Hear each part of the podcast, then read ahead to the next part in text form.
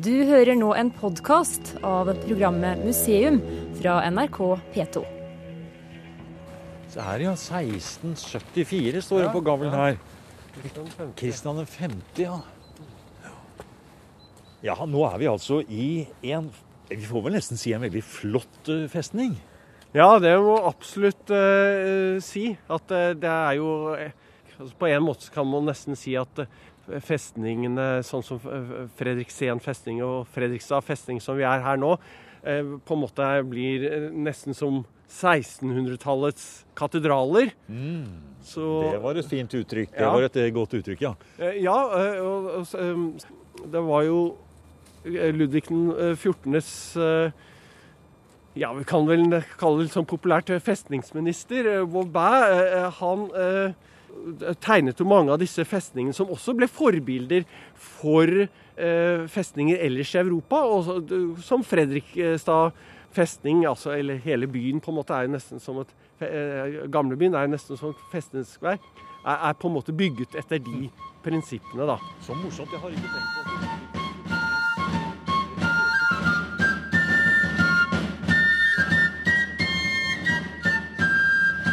Det gir nesten en helt ny historisk farge til de store 1600-tallsfestningene i Norge å tenke på at det var solkongen Ludvig den 14.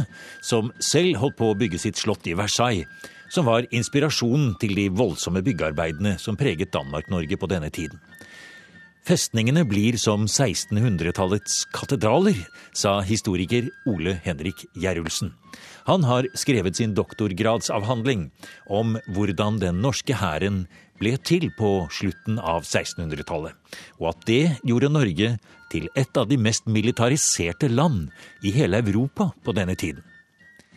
Gjerulsen har sett spesielt på årene like etter at Danmark-Norge tapte de store landområdene som Bohuslän, Skåne og Halland til Sverige. I løpet av et par tiår fra 1660 og utover kom organiseringen av en norsk hær i gang for fullt, sier Gjerulsen. For tidligere hadde ikke utskrivning, eksersis og stående beredskap vært særlig godt organisert.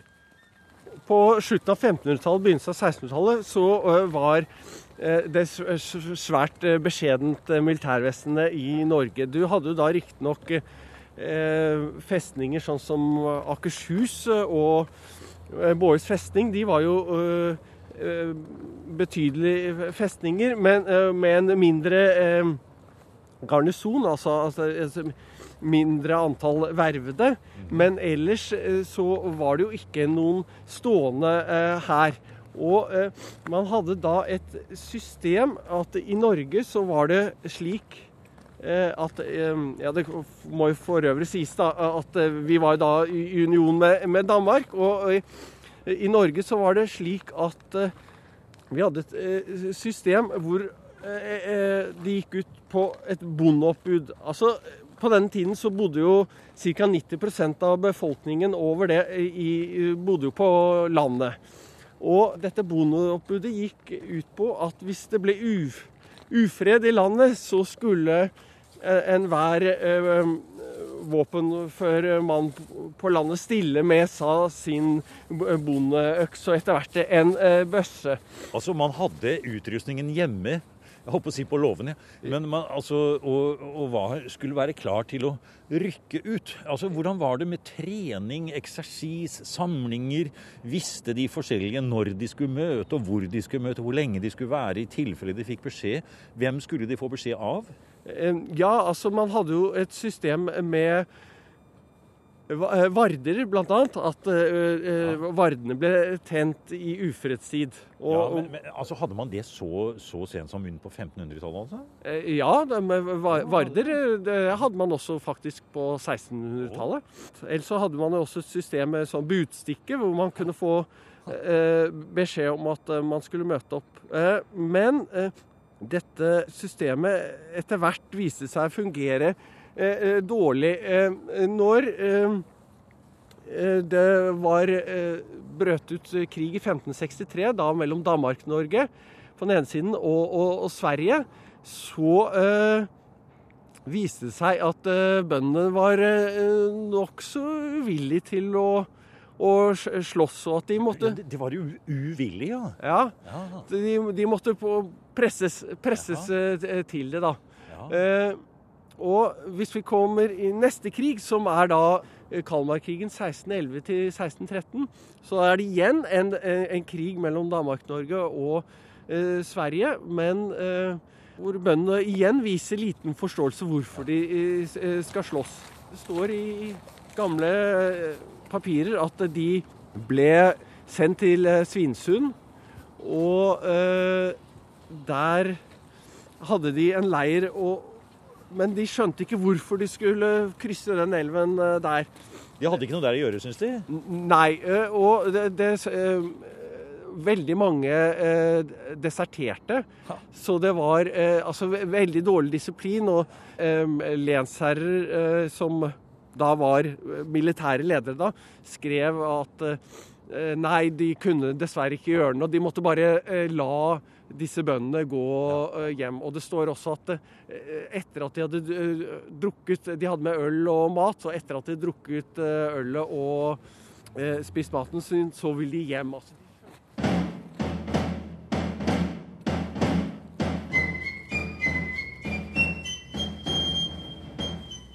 De små musikkillustrasjonene vi hører i bakgrunnen når historiker Ole Henrik Gjerulsen forteller om den første norske hæren, det er parade- og marsjmusikk fra gamle militære noter, omtrent fra samme periode.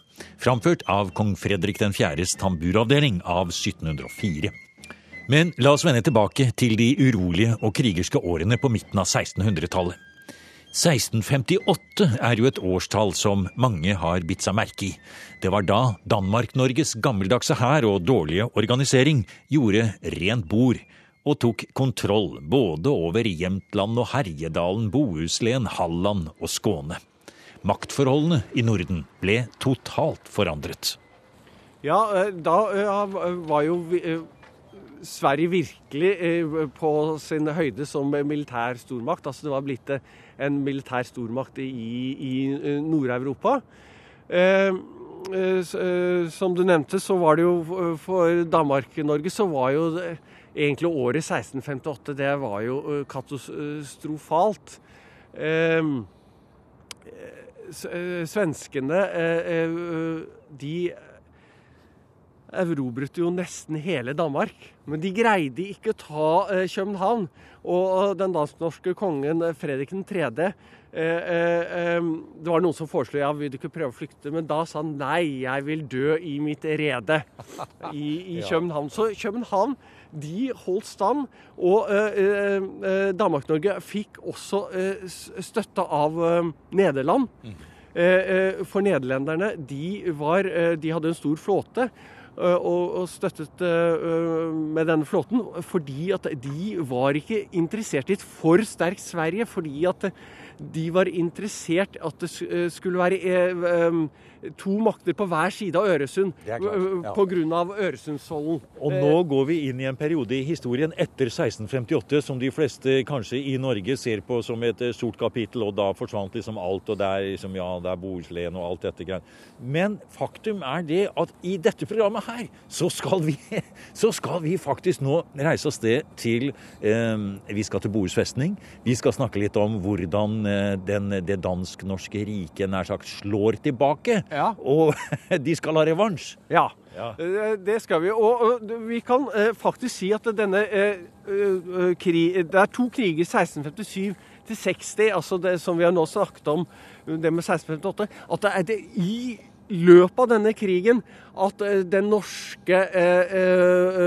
hæren på en måte kommer blir disiplinert, og som at den faktisk greier å bite fra seg. Og eh, det er nok både det med at eh, det er kommet bedre inn i gjenger, man har fått et offiserskorps.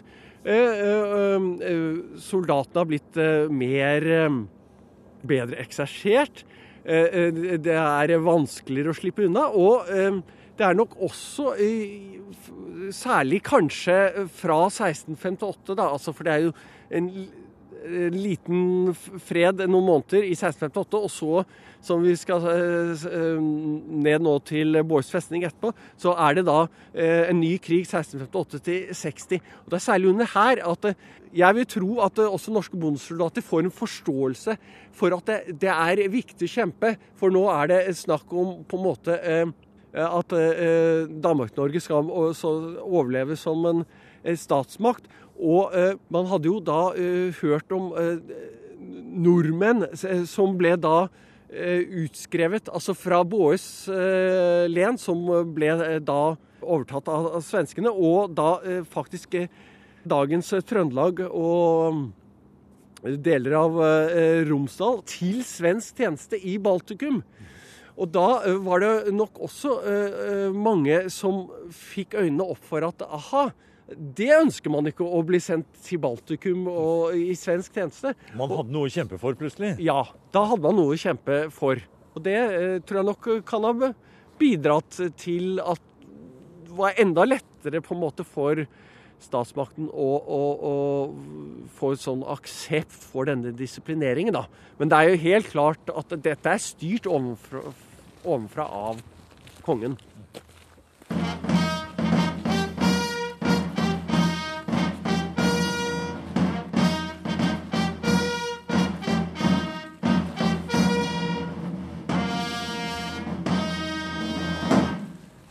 Her Ole Henrik, har vi kommet til en fantastisk festning. Se de høye murene her. Så. Ja, virkelig flott. Og øh, Fars hatt som vi har foran her, det runde, store tårnet, er jo så fantastisk.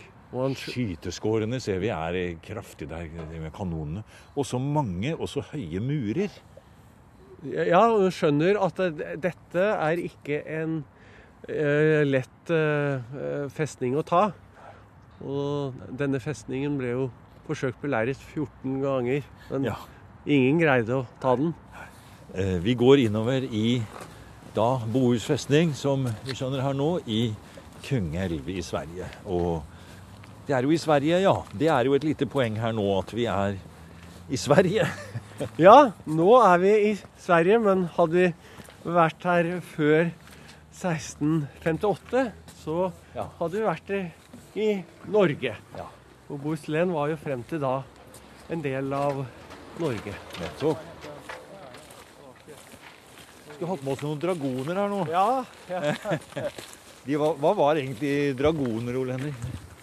Eh, eh, dragon var eh, egentlig en eh, rytter som Eller en soldat. Han flyttet seg til hest, men kjempet til fots.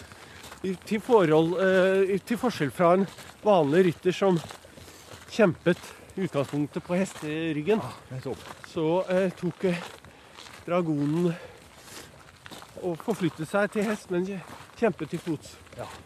Nå kom vi akkurat rundt et hjørne her, og plutselig så åpner hele landskapet seg opp på en helt utrolig flott måte. Og her ser vi jo helt opplagt hvorfor festningen ligger der den ligger. Her står vi nå og ser utover hele Gjøtaelvbassenget. Vi ser langt nedover mot uh, broene nede i Gøteborg. Og her tar Nordre elv av i en sving her. Her kan du beherske all trafikk i dette området. Ja, det kan man også, særlig når også festningen som ligger på en uh, høyde, gjør at uh, den blir vanskelig å innta. Og det er jo også samtidig god Se her, oversikt. Har du sett så flott? Mm. Her er uh, lyktene nede i Jøtaelv står uti der, og her går E6-en, som vi også hører, på den andre siden her. Ja. Dette er urfestningen. Ja, det er den. Den ble bygget uh, påbegynt i begynnelsen av på 1300-tallet. Det er jo for så vidt omtrent samtidig som med Akershus uh, festning. Men dette var jo da en veldig viktig ble en viktig festning, fordi at det var jo grensefestningen mot Sverige. -hmm. Og den ble jo da slutten av 1500- og begynnelsen av 1600-tallet så ble den jo da ytterligere uh, utbygd. Ja, og her, akkurat på akkurat dette området her, så har, også, har vi jo gamle Kungahellet. Eh, ja. Eh, ute på Ragnhildsholm. Ja. Så det, det Ragnhildsholm ligger jo litt det, lenger Det er jo bare 100-200 meter ned i elva her. Ja. Så, så, her er det lange li linjer. Ja. Festningshistorie her, virkelig. Ja, virkelig. Fra, fra eh, middelalder til, til eh, 1600-tallet. Altså renessanse og barokkens. Her kommer vi frem til en, nesten et stup utfor her. Ja. Vi kan vi det greier vel ikke å gå utfor her engang, for vi skulle egentlig vært videre den veien. Båhus festning ble selve symbolet enevoldskongen i Danmark-Norge ville gjenerobre etter det smertelige nederlaget i 1658. Men da måtte den militære slagkraften bli kraftig forbedret. I sin doktoravhandling går historiker Ole Henrik Gjerulsen nøye inn på hvordan militariseringen av Norge fra 1660 til 1679 førte til en helt ny måte å organisere hæren på. Gårdene ble delt inn i legder, og det ble bestemt hvor mange bondesoldater hvert enkelt område måtte stille. Men det ble tatt visse hensyn, sier Gjerulsen. Statsmakten var lite interessert i at selve gårdbrukeren selv skulle bli utskrevet som soldat fordi de ønsket at han skulle drive, kunne drive gården og kunne betale skatt. I, i Nord-Norge, eh, hvor forholdene var altså, veldig ekstreme naturforhold, og tynt befolket, eh, også nokså fattig befolkning, de i hovedsak slapp å, å gjøre soldattjeneste. Det hadde nok også litt sammenheng med at de var viktige for fiskeriene, og det var jo også viktig for hele Så de slapp rett og slett? Hele Nord-Norge slapp? Ja, de slapp soldattjeneste. Men noen utskrivninger til flåten, det foregikk. Ja, Du nevner det med flåten fordi at i Danmark-Norge på denne tiden så var vel da norske menn, for det er jo det det handler om her, de var jo sterkt etterspurt som rett og slett sjøfolk. Både i handelsflåten og i den danske marinen. Ja, det stemmer. Og eh, det var stadig vekk forordninger om at det skulle utskrives det man kalte båtsmenn. Altså det i dag samme som matro, matros. Eh, til eh, den danske-norske flåten. Og da gårder langs kysten de var ofte da istedenfor å stille en soldat, så ble de forpliktet til å stille en matros da, til flåten. Ja, altså Alt dette her, Ole Henrik, det er altså en voldsom økning av antallet soldater som blir da skrevet ut. En helt ny tenkning rundt det at soldatene skal også trene og eksersere. Og jeg har forstått det sånn at i, kirkene så sa presten sånn at de av dere her nå som er skrevet ut på legden her, dere må møte etterpå. Så, altså, det var helt ned på detaljnivå. Ja, det var det. Og da var det slik at offiserene de bodde rundt omkring i landsbygda. Aha. Og så ble soldatene da eksersert ved kirkene på søndager. Men ikke hver søndag, altså. Nei, akkurat. Hvor mange soldater ønsket de militære myndigheter å bygge opp den norske hæren til? Den norske hæren ønsket å bygge til ca. 12 000 mann. Det er det er jo ganske mye? Ja, det er, det er mye. Det er da inkludert off, offiserer. Ja. Så 11 000 soldater ca. Og For å sette det tallet der litt i perspektiv, så må vi jo kanskje få høre litt om si, hvor, mange, hvor, mange, var det som bodde i Norge den gangen? Hvor mange menn i stridsfør alder var det snakk om å hente eh, disse 10 12 15 000 personene fra? Altså, befolkningen i Norge i 1665 er beregnet til å være ca. 450 000 mann. Og så er litt av underkant av halvparten av det eh, menn. Um, og hvis vi tenker hvor stor andel av den voksne mannlige befolkningen som ble utskrevet til hær og flåte i 1660- og 70-årene, så er det mellom 11 og 16 av den. Er ikke det et veldig høyt tall? Det er et eh, veldig høyt eh, tall. Det er faktisk eh, et høyere utskrivningstall. Altså hvis du ser prosentvise andelen av lands befolkning som er utskrevet i hær og flåte, så er det høyere i Norge enn f.eks. det var i Sverige på denne tiden. I Norge var det en egen eh, hærorganisasjon. Man hadde egen eh, kommanderende general. Og også i samtidens kilder så blir den kalt Den norske armé, eller armadi. Så, så også samtiden selv kalte det eh, altså for Den norske hær.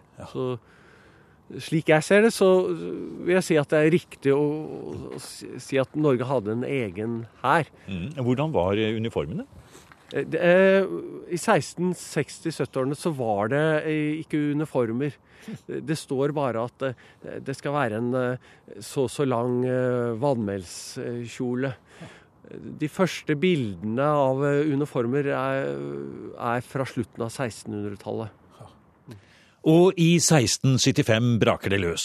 Nå er den danske enevoldskongen klar for revansje, og med de nye hærstyrkene både i Norge og Danmark settes det i gang store slagplaner fra Slesvig i Nord-Tyskland til Jämtland og Trondheim. Svenske Sogn i Värmland blir brent og plyndret. Krigen ruller fram og tilbake. Kobberverket på Røros blir brent, mens svenskene blir slått tilbake over grensen. Gyldenløvefeiden, eller som svenskene sier, Den store skånske krig, har mange fronter, men i Bohuslän går det unna. Uddevalla Marstrand faller for den norske overmakten. Bohus festning blir beleiret. For en liten stund er Bohuslän norskt igjen. Hvis vi ser på de norske, den norske hæren, så eh, greier man allerede i 1676 å eh, ta store deler av. Det er Kjempesuksess. Ja, det var eh, Det, suksess. det er jo revansje, dette her, Ole Henrik. Ja, det, det er det jo. Ja, så, de, så de marsjerer inn med disse nye eh, trente norske soldatene og gjør rent bord ned gjennom hele Bohuslän. Ja, Men de stanser her. ja de stanser her. Men eh, de blir liggende her i seks-syv uker eh, på sommeren 1678. Og det er da de blir beskutt med 20 000 kanonkuler og granater og stingpotter og det hele. Ja, det jo helt utrolig. Men som alle vet, det går jo ikke. Sverige har, som kjent, fortsatt Bohuslän den dag i dag. Men det er ikke svenskenes skyld. Faktum er at de tapte denne fire år lange krigen. Men av store utenrikspolitiske allianser havner det hele på bordet til kongen vi hørte om i starten av programmet. Det er solkongen Ludvig den 14., Europas mektige mann, som dikterer på et av sine slott, Fontainebleau, at alt skal være som før. Svenskene må temmelig ydmyket erkjenne at krigen var tapt, men av alliansen med Frankrike fikk svenskene beholde grensene fra 1658. Og for en spennende tid dette er, sier historiker Ole Henrik Gjerulsen. Ja, det syns jeg absolutt. Samfunnet blir jo veldig omformet. Altså fra tidlig 1600-tallet, hvor Norge var nokså fredelig, og man hadde ikke noe organisert her, til eh, siste del av 1600-tallet, hvor eh, man får en organisert hær, og hvor eh, samfunnet blir militarisert. Og eh, man blir jo kastet inn i denne eh, krigen her. Og eh, samfunnet endres helt fundamen- fundamentalt. Menneskene måtte tilpasse seg det militære. Samfunnet ble disiplinert. Eh, Dette endrer hele eh, samfunnsmåten. Altså fra at man tidligere eh, var langt friere, så, ble det nå at en stor del av den mannlige bondebefolkningen ble utskrevet til hær eller flåte. De måtte innordne seg, og militæret krevde en langt større disiplin. Ja, Og så fikk det vel egentlig stor betydning også for eh, skatteregimet og maktforholdene i samfunnet også? Ja, det gjorde absolutt. Disse, denne militære opprustningen og krigene kostet masse penger, og det betød at skattene måtte økes. Så det var ikke bare at folk måtte betale ved at en del av deres egne ble utskrevet, men det var også at skattene økte. Og, og, I tillegg så øh, var det jo at man fikk en ny embetsgruppe, offiserene, inn i samfunnet som levde i lokalsamfunnet. Og øh, i utgangspunktet var dette utlendinger som var øh, offiserer som vant til en kadaverdisiplin, og som på en måte tuktet de norske bondesønnene til lydighet. Mm. Og så er det jo også slik at vi ser for oss nå perioder her hvor det i årtier var krig eh, som dagens orden i Sverige en periode på over 100 år. Og i Danmark-Norge er det vel å si, bare i 30-40 år med sammenhengende eh, krigshandlinger. Noen få fredsår innimellom. Så det ble jo på en måte en slags dagens orden. Det er et sånt merkelig krigersk århundre vi ser på her fra midten av, eller slutten av 1500-tallet og inn på slutten, midten av 1600-tallet. Ja, eh, det er jo noe som preger eh, nesten hele Europa at eh, statsmaktene kjemper for å overleve. Og de statene som ikke sørger for et militærvesen, de bukker under. Du har nå hørt en podkast av programmet Museum fra NRK P2.